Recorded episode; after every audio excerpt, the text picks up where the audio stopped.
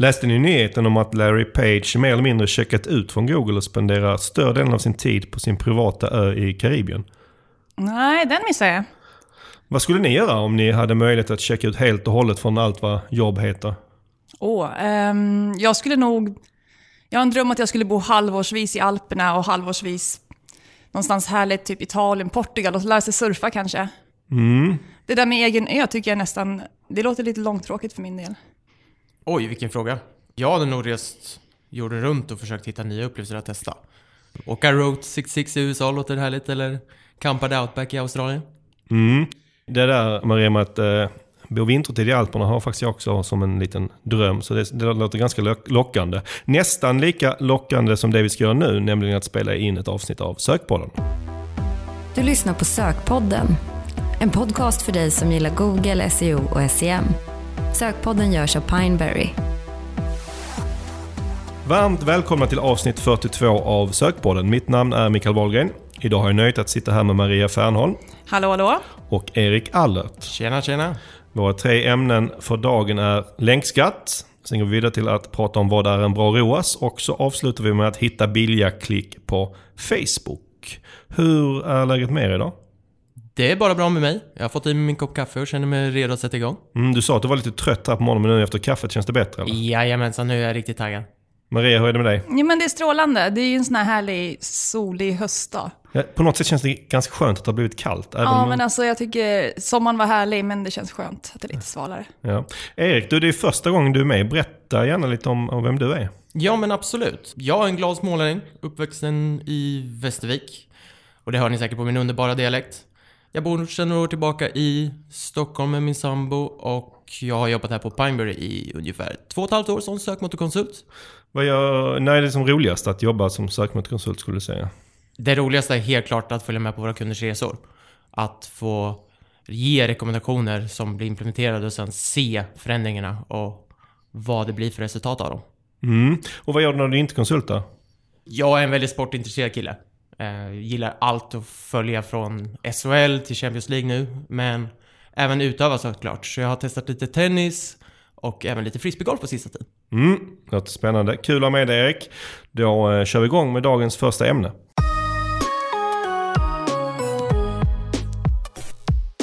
Vi ska börja här idag och prata lite om länkskatt. För häromveckan så röstade ju EU igenom en justerad variant av det ganska kontroversiella Copyright Directive. Och det här ska nu förhandlas och röstas igenom igen slutligen 2019. Och sen ska det också implementeras av respektive EU-land. Så det, det kommer ju ta ett tag innan det här blir verklighet. Men att det blir verklighet i någon form det är väl mer eller mindre klart nu. Och det här är som sagt väldigt kontroversiellt. Och många har sagt att det här direktivet hotar internet som vi känner internet. Eh, det återstår väl att se om det blir så. Eh, och Copyright Directive behandlar lite olika delar. Och några av dem har lite beröringspunkter med det vi brukar prata om här i sökpodden. Så vi tänkte ta upp dem. Och då är det främst egentligen artikel 11 och 13 som berör det vi brukar prata om här i sökpodden. Och det är faktiskt de det har varit mest snack om också i media inför de här omröstningarna i, nere i EU. Och artikel 11 den gäller det som ämnets namn, länkskatt. Och artikel 13 det rör uppladdningsfilter. Och jag tänkte vi tar de här i tur och ordning. Om vi börjar med, då med, med artikel 11 som är länkskatten. Och den, den ger publicister, säger Expressen och Aftonbladet, rätt att få betalt när någon publicerar deras material på en annan plattform. Tänk att någon till exempel lägger ut en artikel på Facebook eller när Google aggregerar nyheter i Google News. Men även om det kallas länkskatt eller har fått namnet länkskatt så är det ju inte riktigt en länkskatt. Nej, precis. Vi kanske ska förtydliga att det är inget som staten eller EU ska samla in, utan det är ju länkskattslagen innebär att publicister får rätt att kräva att företag som Google och Facebook betal- betalar en licens för att använda deras innehåll. Så det känns ju i teorin rätt vettigt. Mm. Fast det låter lite häftigare med länkskatt, eller?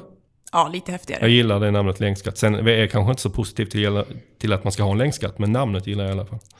Sen gäller inte det här privatpersoner. Nej, tanken är väl att privatpersoner ska undanhållas från denna regel, men det är väl högst oklart egentligen var gränsen går här. Till exempel vad gäller om någon privatperson lägger ut något i en stor Facebookgrupp. Är Ja. det privat eller är det... Ett företag eller hur? Ja, hur precis. det? det känns som att det är en kantboll.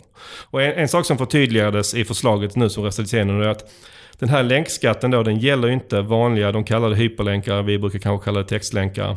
Eh, och det gäller heller inte om du då länkar med några enstaka ord. Alltså du har några ord i ankartexten som du länkar, som jag tolkar det då. Men även här är det ganska otydligt för var går gränsen då mellan att länka ett par enstaka ord till att länka liksom en, en snippet som det är egentligen det de vill, är ute efter. Det är också väldigt otydligt var gränsen går. Ja, det känns ju väldigt knepigt och svårt att förstå hur den här lagen egentligen ska fungera i praktiken. Ja. Och det som eh, har gjort att det fick upp mitt stora intresse var ju att det har varit ganska många som har skrivit att det här skulle kunna vara döden för SEO. Igen. Ja, igen, ja precis. Och, och, på ett sätt kan jag förstå hur man tänker så för att eh, skulle det komma en skatt på länkar och med tanke på hur viktigt länkar är för SEO så, så skulle det kunna påverka eh, SEO väldigt, väldigt mycket.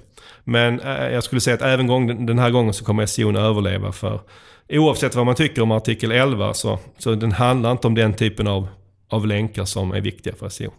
Det är rätt svårt att ta, ta död på SEO alltså. Ja precis, det försöks varje år men, men vi är en ganska långlivad rackare. Så det, känns, det känns bra med tanke på att vi jobbar med det. Ja precis, får vara tacksamma för. Men vad tror ni, kommer den här länkskattslagen att funka?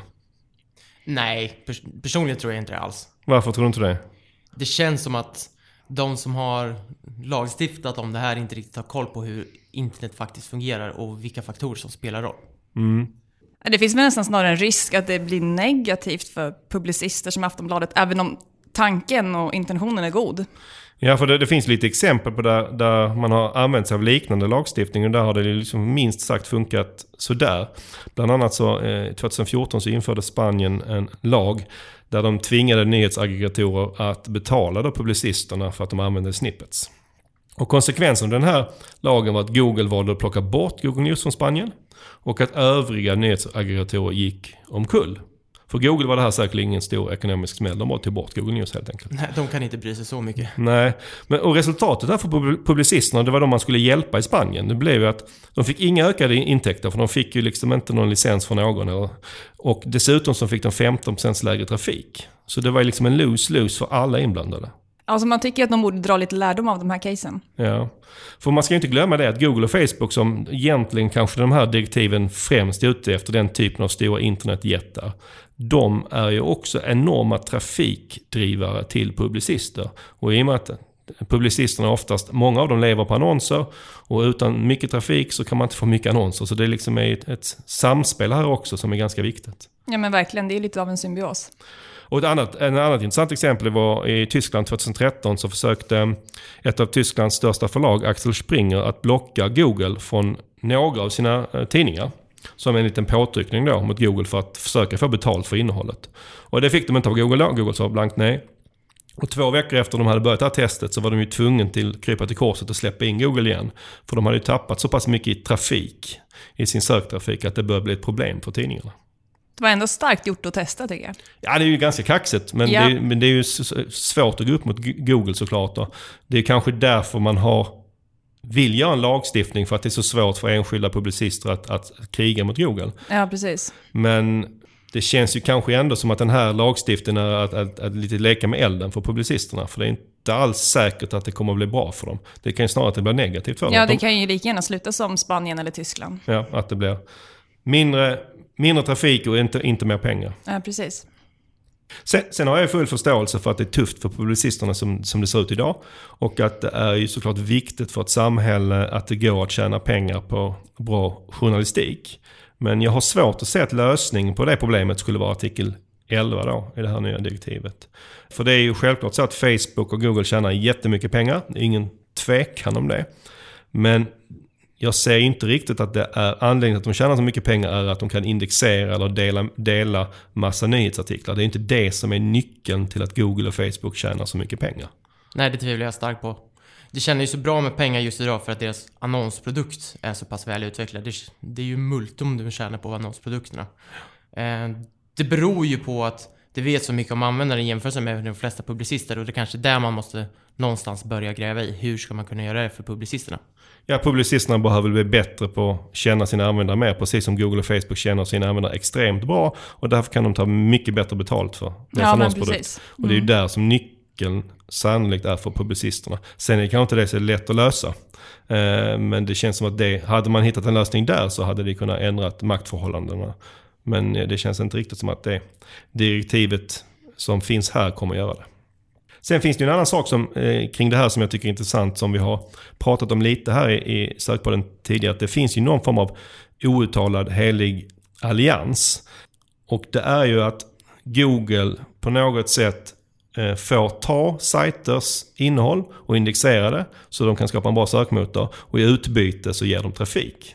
Ja, det är ju inte så tokigt egentligen. Ett ganska bra utbyte tycker jag. Ja, många sajter har tjänat jättemycket på det här. Och kanske inte minst publicister som har väldigt mycket innehåll. De har fått väldigt mycket trafik från Google och från Facebook. Ja? Så, så det är ett jättebra sätt. Men sen samtidigt finns det ju en trend nu, det är den vi har pratat om, att till exempel att Google har fler och fler sökresultat där det inte finns ett organiskt resultat. Det vill säga man inte driver trafiken. Så man håller ju liksom inte upp sin del av den här alliansen längre. Nej. Och skulle man fortsätta på den vägen att, att både Google och Facebook i ännu större utsträckning försöker behålla användarna på sin plattform så kommer ju det här bli ett ännu större problem för publicisterna. Och då kanske det finns en ännu större anledning till att EU kommer lagstifta kring det. Ja, det ska bli spännande att följa det här och se var det slutar. Mm. Det var då om länkskatten och nu går vi vidare till den, den andra kontroversiella artikeln i det här nya lagförslaget och det är artikel nummer 13. Den är kanske inte, i alla fall jag tycker inte det, att den är lika, lika intressant som länkskattsartikeln. Men den, den har nog debatterats om möjligt ännu mer. Och det är den, den kallas för uppladdningsfiltret. Och det här innebär då att sajter som till exempel Facebook och YouTube måste ha ett filter som ser till att innehåll som är upphovsrättsskyddat inte visas då utan tillstånd. Och kritiker mot det här filtret säger att det i princip inte kommer gå att bygga ett sånt här filter som fungerar i verkligheten. Även om det finns den här typen av filter redan idag. Men det kommer inte finnas någonting som är helt perfekt. Och de säger väl att det kommer bli orimligt dyrt, eller hur? Ja, precis. Det kommer ju vara galet dyrt att bygga det här. Kanske inte för Facebook och YouTube, men tittar vi på övriga aktörer så tror jag att det nästan är en omöjlighet. Ja, så om man då, tanken med den här lagen är att man ska vara lite hård mot Facebook och YouTube och de här jättarna. Så kan det här bli tvärtom. Att man slår ut de här mindre som inte klarar av att göra ett filter eller har pengar att göra ett filter medan Facebook och YouTube kanske löser det. För de har både resurserna och pengarna. Så då blir det också lite tvärtom mot vad egentligen som är tänkt. Och den här artikeln har också eh, eh, kallat lite eh, memesförbudsartikeln. Och för det är en sak de har pratat ganska mycket om. Att memes och satir och parodi kommer undantas från lagen eller om det kommer förbjudas. Det, så att eventuellt då så kommer memes förbjudas. Känns inte det konstigt att man bara förbjuder det? Personligen tycker jag att det känns väldigt konstigt. Ja. Jag, jag är en person som älskar memes. Ja. Och jag använder det dagligen så att det vore en stor grej för mig om det försvann faktiskt. Ja, det känns liksom, jag vet inte vad lagstiftaren ska in och pilla på Nej, memes det är konstigt. För. Jag håller med Erik faktiskt. Konstigt är det. Men vi får se var allt detta med länkskatt, uppladdningsfilter och memesförbud slutar. Och det, om jag ska göra en avslutande reflektion här så. Jag är kanske inte förvånad, men det känns ändå konstigt att ett, detta direktiv är skrivet av personer som jag inte riktigt upplever förstår hur internet fungerar. För jag tror inte riktigt de här sakerna kommer att hjälpa. Och två, det är skrivet på ett sånt sätt att ingen riktigt vet vad det innebär. Lite som GDPR kanske? Ja, precis som GDPR. Ja, med detta så lämnar vi EU-direktivens värld för idag och så går vi raskt vidare till dagens andra ämne.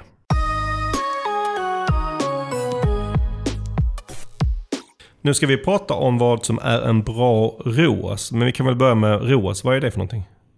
ROAS står ju för Return on Advertising Spend. Och generellt sett är det ett viktigt mått för e-handlare som jobbar med marknadsföring både på Google och Facebook. Och jag som är eh, ekonomiskt skolad en gång i tiden, jag fick ju lära mig någonting som kallas för R och I, Return on Investment. Hur skiljer sig ROAS från ROI? Ja men det är jättebra att du nämner.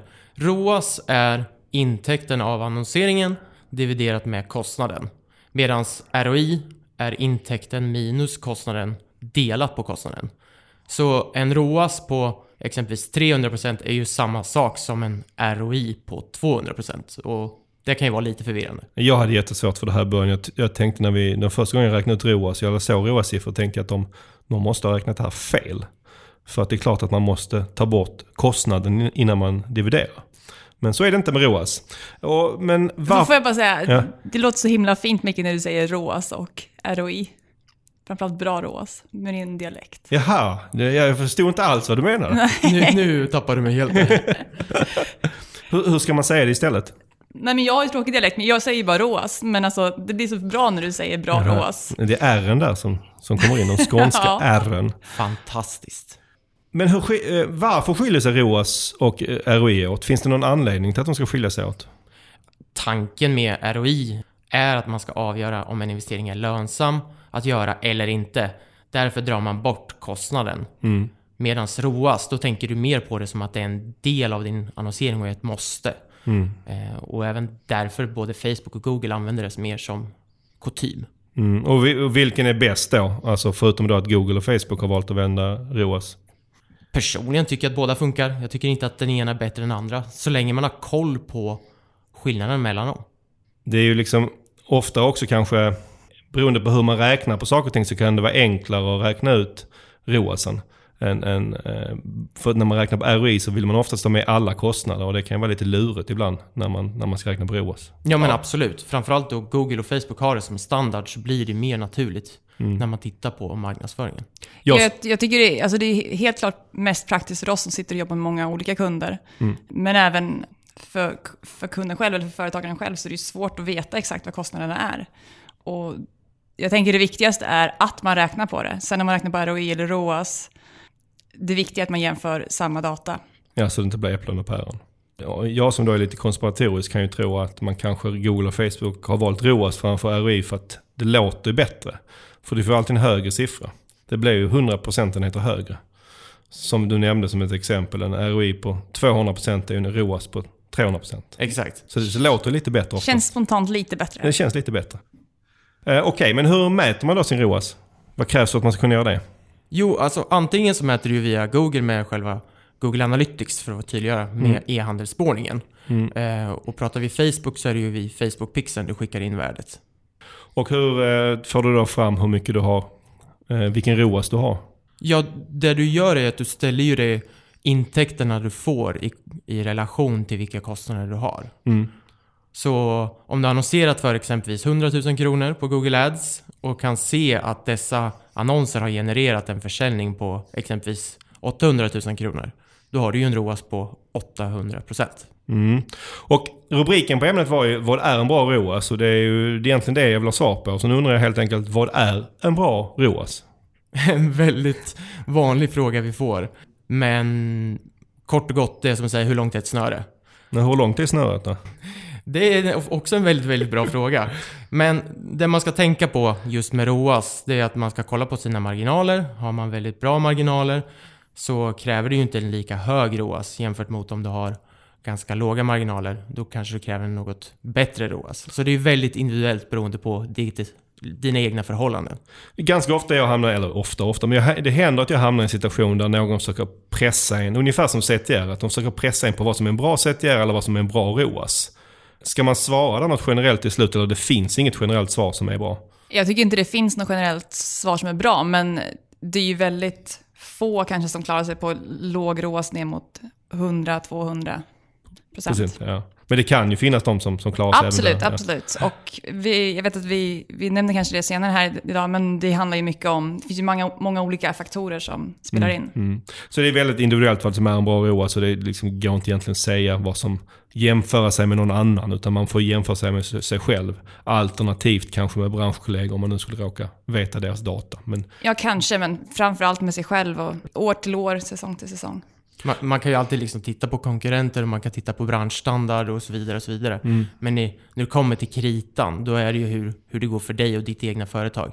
Okej, men om man då för egen del ska bestämma vilken ROAS som krävs för att annonseringen på Google och Facebook ska vara lönsam. Hur, hur går man tillväga då? Det första du måste ha koll på är att veta vilka marginaler du har. Om du har 50% i bruttomarginal när du säljer och du är nöjd med att annonseringen täcker dina direkta kostnader för produkten. Då räcker det med en ROAS på exempelvis 200% som vi pratade om förut. Vill du att den även ska täcka dina övriga kostnader får du räkna in dem och höja ditt ROAS-mål. Mm. Och sen en, en utmaning för många e-handlare här är att man har ju väldigt mycket produkter. Och marginalen är ju inte samma på alla produkter. Man har ju oftast vissa produkter med väldigt bra marginaler, vissa med lite lägre marginal. Nej, hur, absolut. hur, så att, hur, hur hanterar man det? Ja, alltså det kan ju vara ganska komplext och svårt. Mm. Man kan ju tänka att man sätter olika... Man budar olika på olika produktkategorier. Så man sätter olika ROAS-mål beroende på vilken kategori det är. Ja, men precis. Eller kategori, det kan ju till och med vara så att det är olika inom kategorierna. Men Mm. det som är bra med Google Shopping till exempel, det är att där kan du ju faktiskt sätta olika ROAS-mål per produkt. Alltså du kan verkligen gå ner detaljerat. Det är ju svårare om man jobbar med bredare sökord, Mm. säg tröjor. Då kanske du säljer massa olika tröjor. Då är det svårt att veta, vissa tröjor har du kanske en, en viss marginal på och andra har du en, en, en annan marginal på. Så då får man ju Ja. ta någon form av snitt. Och det kanske allra viktigaste, eller vad säger du Erik, det är väl att man i slutändan har, har koll på hela liksom, totala summan för månaden eller kvartalet. Jo, men absolut. Sen så får man ju bryta ner det på, som vi pratade om, på kategorier, olika sökord eller målgrupper och se hur respektive målgrupp levererar. Det handlar ju där också om, också om att man, man måste kanske bryta ner ROAS om man är en väldigt stor e-handlare på något sätt. Men man kanske aldrig kan bryta ner det hela vägen utan man kan bryta det så långt, så långt som är rimligt. Ja, precis. Och, och vi, är ju, vi har ju alltid förespråkat ROAS och det är väldigt viktigt, men man får inte stirra sig helt blind för det. Vissa kampanjer, vissa sökord kan ju vara väldigt viktiga för att driva trafik till sajten. Så att då kanske man får ta en lägre ROAS där, för att sen kunna hämta in det på, på andra produkter, på andra kampanjer. Och en sak som, man, som är ganska intressant när man, när man räknar ut ROAS, det är ju det här med livstidsvärde eller lifetime value på en, en kund. För att frågan är då, ska man bara ta hänsyn till det enskilda köpet när man sätter sin ROAS eller utvärderar ROAS? Eller ska man även ta hänsyn till om, om den här nya kunden gör flera köp? Vad tycker ni? Det vanligaste skulle jag säga är att man bara tar hänsyn till det enskilda köpet. Ja, Även om man i större grad kanske borde titta på det här lifetime value. Alltså Mm. om det är återkommande kunder som gör fler köp. Ja, och, och det är väl något som de flesta e-handlare vill göra, att de vill räkna hem det på första köpet. Men det är ju väldigt olika, man får ju tänka vad har man för produkt här? Eh, har man en produkt man prenumererar på? Har man en produkt, eller har man ett stort utbud av produkter som, som man behöver köpa flera gånger? Exempel, säg ett, ett apotek som köp, köper sina produkter online. Jag vet ju själv att jag handlar, jag har en, en specifik e-handel där jag köper ja, men flera gånger om året, kanske nästan ibland en gång i månaden.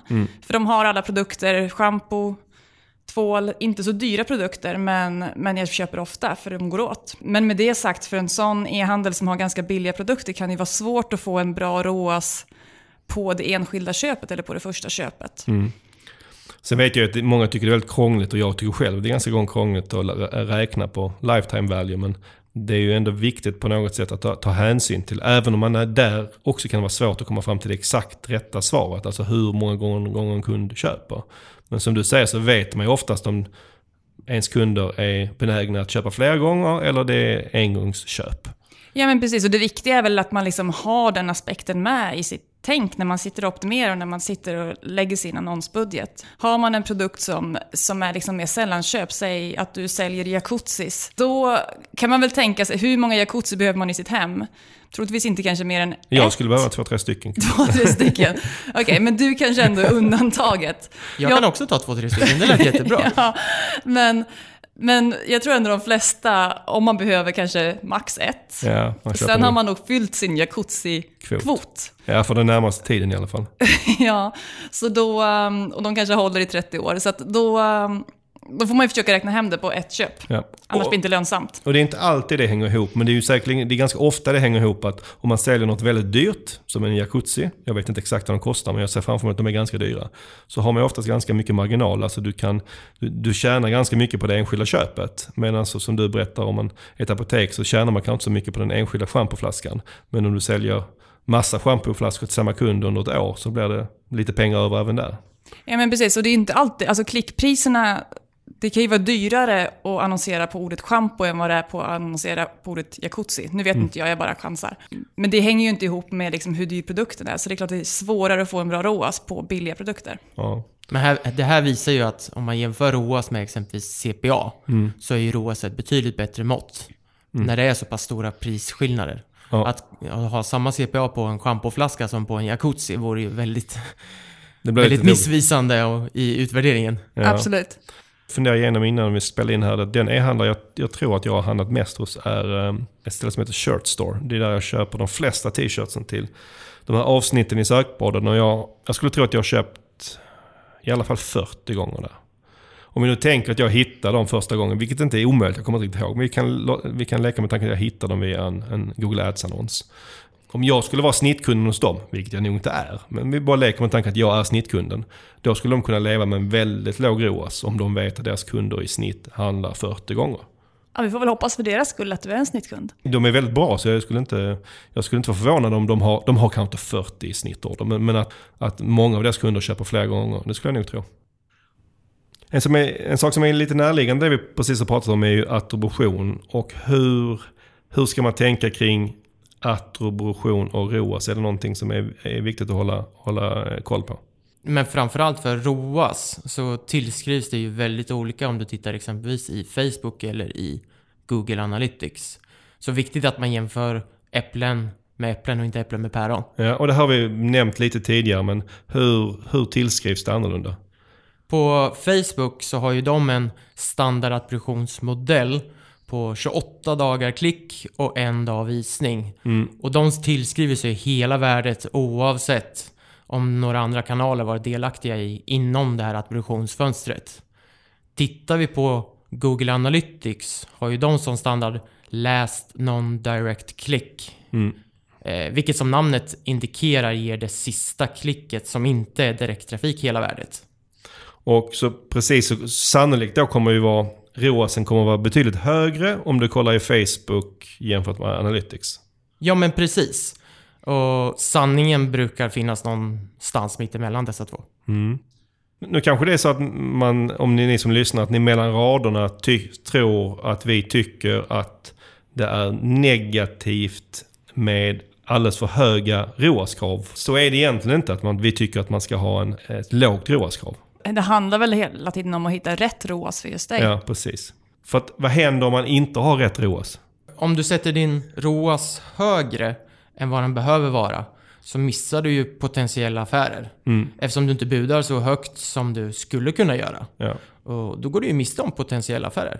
Och för din marginal så kan det vara bra. Du kanske tjänar lite mer för varje annonskrona. Men samtidigt så missar du ganska mycket i tillväxt. Då. För många e-handlare är ju tillväxt väldigt viktigt. Så att det är viktiga är inte om, egentligen om ROASen är hög eller låg. Det viktiga är att den är rätt. Exakt. Och att du har koll på din data. Det är ju alltid lite svårt. och Det är en stor, kan vara en stor felkälla att man tar, tar felaktiga beslut. Och på tal om det, att rätta, datan är rätt. eh, Vad, vilka är de vanliga, några vanliga missar man gör med ROAS? En vanlig miss är ju att du har moms och frakt inräknat i din ROAS. Och att du inte riktigt vet om det, att du har det. Nej men exakt. Så länge du vet om att du har det och kan ta beslut utifrån det, då gör det egentligen inte så mycket. Men det är ju många idag som inte är medvetna om det. Nej, och det, det händer ju titt som tätt. Och är, man kan ju kanske ibland när man tittar på data i Analytics, man kan nästan ibland se att det är med moms eller att det är utan moms. Men man kan inte vara 100% säker om man inte riktigt vet exakt vilken data det är som skjuts in till Google Analytics. Nej, precis. Och det är ganska stor skillnad om man har med moms eller inte. Ja, det, det kan ju bli från att vara ett, ett lyckat projekt till att inte vara ett lyckat projekt beroende på om momsen är med eller inte. Så det gäller ju att hålla kolla på momsen.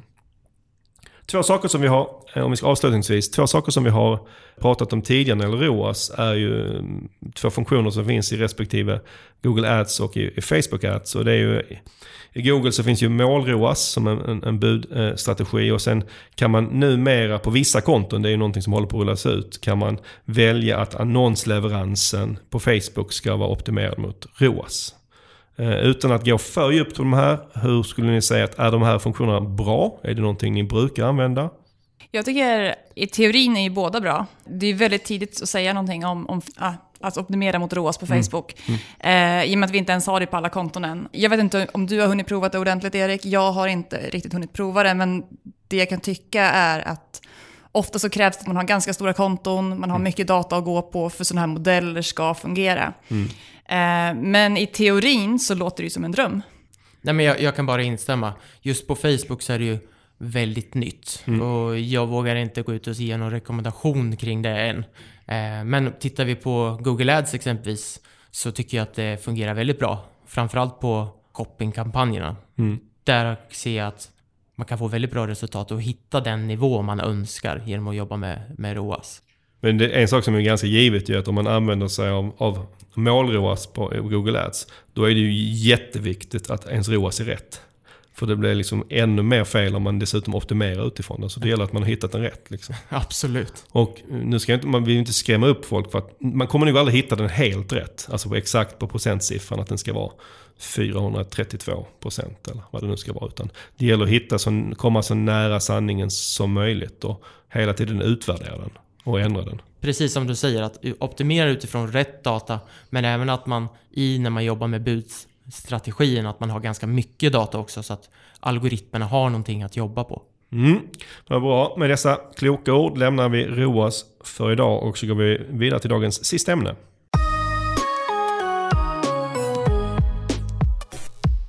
Mitt arbetsnamn för detta ämne var CPC-nivå på Facebook, men ni tyckte det var alldeles för tråkigt, eller hur? Jag tyckte ju att det kändes lite torrt. Ja, men det, det kändes som det fanns lite utvecklingspotential där. Ja.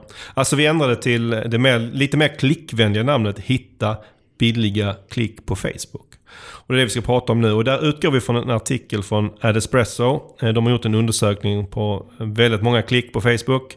Där de har skurit datan på lite olika sätt och se var priserna påverkas utifrån det. Och vi, de har tagit upp väldigt många saker i sin artikel. Vi har tagit några av de sakerna som vi tycker är mest intressanta att prata kring. Och vi försöker ge ett, ett svenskt perspektiv på det. Om vi håller med i det de kommit fram till och hur vi ser på det. Och vi länkar till deras eh, undersökning såklart i inlägget för avsnittet. Och generellt kan jag säga att eh, Adespresso är de, en av dem jag eh, oftast läser ganska mycket från deras blogg. De publicerar många inlägg och oftast väldigt datatunga. Så att det, det är någonting jag rekommenderar att man kan följa. En sak de tittar på, som vi tyckte är intressant, det är ålder. Och de, deras undersökning visar ju att ju äldre personerna är, desto dyrare är klicken. Om man tar bort de absolut äldsta, för där sjunker priset igen. Stämmer det här med hur det är i Sverige och varför är det så i så fall? Ja, men det tycker jag nog att jag kan skriva under på i alla fall. Mm. Och jag tror att det är mycket för att det är den köpstarkaste målgruppen. Det finns ju begränsat utrymme på Facebook. Det finns ju bara vissa, alla annonsörer får inte plats. Mm. Och det är en budgivnings, alltså det är en auktion. Så att det är klart att det blir att de målgrupperna som är allra mest populära, de som är mest köpstarka, blir de som blir dyrast. Så på något sätt hänger det ihop med lön? Att oftast ju äldre man blir får man lite mer i lön och sen när man blir riktigt gammal så får man pension och då har man inte så mycket, då har man inte så mycket pengar längre. eh, ja, men ja, lite så skulle jag säga. Att eh, det är den målgruppen som är köpstarkast och som eh, som man ser att man får mest för konverterar bäst helt enkelt. Men med det sagt så vill jag ändå säga att jag kan tycka att man ibland kan titta på sin data och bli lite överraskad över att eh, åldrar där man inte trodde kanske skulle konvertera så bra, konverterar bra. För mm. i slutändan så är det datan som får tala och även om man tänker att de är köpstarka, kan du hitta billigare klick i den äldre eller den yngre målgruppen mm. så kan du kanske få en billigare konvertering. Ja, det kan ju också såklart, man kan ju säga okej, okay, det här var intressant att det är så här data, men det kan ju vara svårt att använda den till 100% också beroende på det man, man ska marknadsföra. Mm. För det kan ju vara svårt, en produkt som verkligen riktar sig mot en äldre målgrupp, bara för att klicken mot de yngre är billigare så kan det ju... Nej, det känns ju inte logiskt. Det känns ju kanske inte logiskt att, att sälja den till dem. Till exempel en jacuzzi, jag tror att det är inget man köper som 22-åring. Jag vet inte. Nej, det tror inte jag heller. Så även om det är billigare klick där så kanske inte det är rätt att, att marknadsföra den just mot dem. Nej, men det är ju intressant eh, eh, när man har eh, produkter som riktar sig mot just de, de yngre målgrupperna. Vi har kanske inte, man har kanske inte jättemånga sådana kunder som man jobbar med, mm. men, men det är väldigt intressant att se då att man kan få väldigt billiga klick. Mm. Och det kan ju till viss del tror jag också, ha att göra med att de interagerar på ett annat sätt. De är vana med att klicka och likea och gilla och kommentera om jag jämför med min pappa så är inte han den som kommenterar först på Facebook kanske. Medan en billigare, eller billigare, en, en yngre målgrupp, de är mer vana vid det. Mm. De har inget problem med att det står, syns, liksom, att alla ser att du har lagt en kommentar. Mm. Vad bra. Om vi eh, tar nästa sak som de tittade på som vi tyckte var intressant så handlar det om placering. Och det som står ut där är ju att Instagram har ju mycket högre klickpriser än än Facebook. Och det upplever ni i Sverige också eller? Ja, det tycker jag. Jag vet inte vad du tycker Erik, men jag tycker i alla fall att man kan se att Instagram i de nästan alla fall skiljer sig och att de är dyrare. Det är klart att det finns undantag. Jag har såklart även här exempel där jag ser att konverteringarna blir billigare, det är kanske samma som på Facebook. Och eh, att klickpriserna kanske ligger liknande Facebook. Det skiljer sig väldigt mycket mellan olika produkter. Men på det stora hela och i snitt så tycker jag ändå att Facebook är billigare. Men Instagram som, eh, ska vi kalla det, plattform är ju inte heller lika utformad för klick på samma sätt Nej. som Facebook om man jämför. Men det är en bra poäng. Du kan ju exempelvis inte ha länk i, i texten i dina annonser utan då blir det den här, bara den här call to action-knappen. Nej. Eh, Och, och det har vi pratat om innan, innan annonserna kom på, på Instagram så fanns det ju inte ens konceptet med att länkar överhuvudtaget. Man kunde inte klicka sig ut så det finns ju inget naturligt beteende på Instagram att klicka. Vilket såklart gör att klickpriserna sannolikt går upp. För att det är ingen som klickar. Du når lika många, eller når ännu fler. Men det är inte lika många som klickar. Så egentligen kan inte det vara så konstigt men det är ändå intressant. En annan sak som de tittar på det är ju hur klickpriserna varierar över månader, alltså över, över säsonger. Och det är väldigt tydligt då att i den här aggregerade världsdatan så över Black Friday och över jul, de kommer där på slutet på året, så går klickpriserna upp ganska mycket. Och eh, jag antar att vi ser samma sak i Sverige. Ja, alltså det tycker jag ändå vi kan säga att vi, vi ser. Ju högre konkurrensen är, det är begränsat utrymme, desto dyrare blir det. Så alltså, tipset här, det är väl egentligen att fundera kring Alltså när ska jag med min produkt synas? Är det viktigt för mig att synas under Black Friday? Köper man min produkt in som julklapp? Om man nu tar det här jacuzzi-exemplet igen. Det kanske inte är jättevanligt att man får en jacuzzi i julklapp. Ja, men då kanske man ska annonsera tidigare på året eller liksom under mer lågsäsong för en sån produkt. Medan om man säljer, säg dataspel, ja, men då kanske Black Friday och jul är dina absolut mest lönsamma tidpunkter och du måste synas då. Det är värt för dig att betala lite mer för att synas. För, för jag, jag upplever att många ser det som en självklarhet att man ska synas under julen och, och under Black Friday och sådär. Ja men det tror jag och det upplever jag att, att många liksom, men vi måste, vi måste också synas då. Jag, alltså, om man tar just Black Friday, när jag började jobba här 2014 visste jag knappt vad det var. Men nu känns det som att det har blivit så otroligt stort och liksom, det är någonting som alla liksom har hoppat på, både konsumenter och annonsörer. Vilket gör att det blir en väldig hets. För de flesta finns det säkert en, en, en stor poäng med att synas under, under Black Friday och, och under, under julhandeln. Men eh, det går ju nog att för vissa annonsörer tänka tvärtom. Att ja, men det är då jag ska ligga lågt med annonsering och så ska jag satsa min budget andra månader istället. Nej men så är det ju absolut. Jag vet ju själv att under föregående år och även nu inför kommande säsong så kommer vi gå ner med vår annonsering då annonsutrymmet är ju så pass begränsat. Ja. Så allokera de resurserna där vi får mer kostnadseffektiv trafik. Där man har bättre ROAS. Ja, exakt. Och eh, nästa sak de tittar på som jag kanske är en av de jag tyckte var nästan mest intressant här är faktiskt kön. Och de, deras siffror visar att klickpriserna är klart högre för kvinnor. Ser vi samma sak i Sverige? Jag kan hålla med om de siffrorna. Jag har sett tendenser till att kvinnor är något dyrare när det kommer till CPC.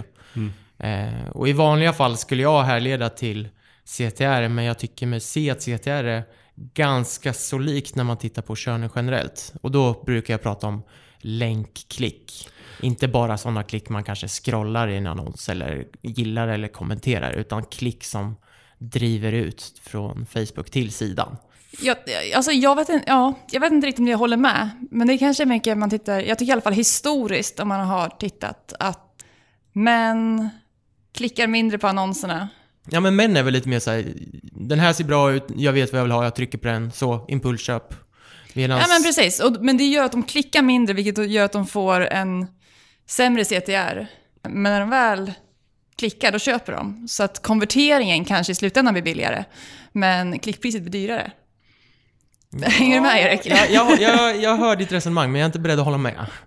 Nej, för det är ju ganska intressant här, för det är ju en sak om nu vi antar att det är så att klickpriserna för kvinnor är lite högre. Och sen, det är ju en sak, men sen nästa fråga är varför är det så? Det kan- Exakt, det för kan- CPC och CTR brukar ju ha en bra korrelation i, i klickpriser. Mm. För är det så att de har olika CTR-nivåer till exempel, att, man, att män då klickar, de, de klickar mer, vilket drar ner klickpriset om de är mer klickbenägna. Då skulle det kunna vara en anledning, men det skulle ju också kunna vara så att av någon anledning så anser annonsörerna att den ena målgruppen, i det här fallet kvinnor, är mer eh, köpbenägna. Så att det är värt att betala lite mer för att synas mot dem. Och det, det vet vi inte om det är så. Nej, men jag tror absolut att du har en poäng där. Att det är fler annonsörer som vill nå ut till kvinnorna för att man ser dem som mer köp. Alltså att de står för mycket, mycket köp. Kanske mycket den typen av produkter som man annonserar för på, På Facebook, Facebook. är lite, det kanske fler, Konsumentprodukter, alltså det är kanske fler produkter på Facebook som är riktade mot kvinnor än mot män. Och det betyder att utrymmet blir mindre Precis. och det Mm. driver i sig upp priserna. Så kan det också vara. Det tror jag. Och allting hänger ju såklart ihop. Spännande. Sen har vi kampanjinriktning som de tittar på och inte helt oväntat så är ju klickpriserna högre om din kampanjinriktning är impressions istället för länkklick. Och för det är väl inget vi är direkt förvånade över, eller hur? Nej, absolut inte. Nej, alltså väljer man att optimera mot länkklick så, så blir ju oftast de billigare. Väljer man att optimera mot någonting annat, vad det än är, impressions, konverteringar, så blir det oftast på bekostnad av pris, alltså pris per klick. Ja. För Facebook är ju inte dumma här att om man väljer att optimera mot länkklick så kommer de ju försöka visa annonsen för de som är benägna att klicka på länkar. Ja, det är ju det som är hela Det- idén med mod- modellen. Ja. Det är då Facebook tjänar pengar och du får det du vill i och med att du har valt att optimera för länkklick. Så på, Ja, något, på något sätt är ju alla nöjda. Indirekt kanske. Men Ja. man får ju inte glömma bort liksom att det kanske inte är länkklick du faktiskt är ute efter, utan det du vill ha är ju en konvertering. Och i någon form så är det ju ändå konverteringen som oftast är det viktigaste. Ja. Eh, Även om du lyckas hitta låga CPC-priser så är det ju konverteringen du vill åt. Och så länge du har tillräckligt med data så kan du hela tiden optimera mot konverteringar. Och då tycker jag känns det, det känns mer som det primära valet initialt.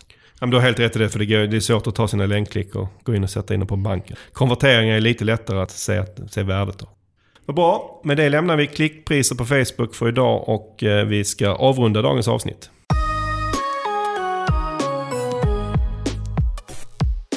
Ett av de mest populära ämnen vi haft här i sökpodden är när vi gjort SEO Clinics. Detta har vi gjort i avsnitt 27 och i avsnitt 31. I nästa avsnitt tänkte vi att det var hög tid att göra det igen, det vill säga en- hålla en SEO-klinik. Och vill du att vi kollar på er sajt i nästa avsnitt, där vi då går igenom möjligheterna och problemen som finns från ett SEO-perspektiv, så skicka ett mail till sokpodden at pineberry.com. Detsamma gäller om ni har feedback på dagens avsnitt eller har förslag på framtida ämnen. Släng bara iväg ett mail. Tusen tack för att du har lyssnat idag. Ta hand om dig tills vi hörs nästa gång. Tack och bock! Tack och hej!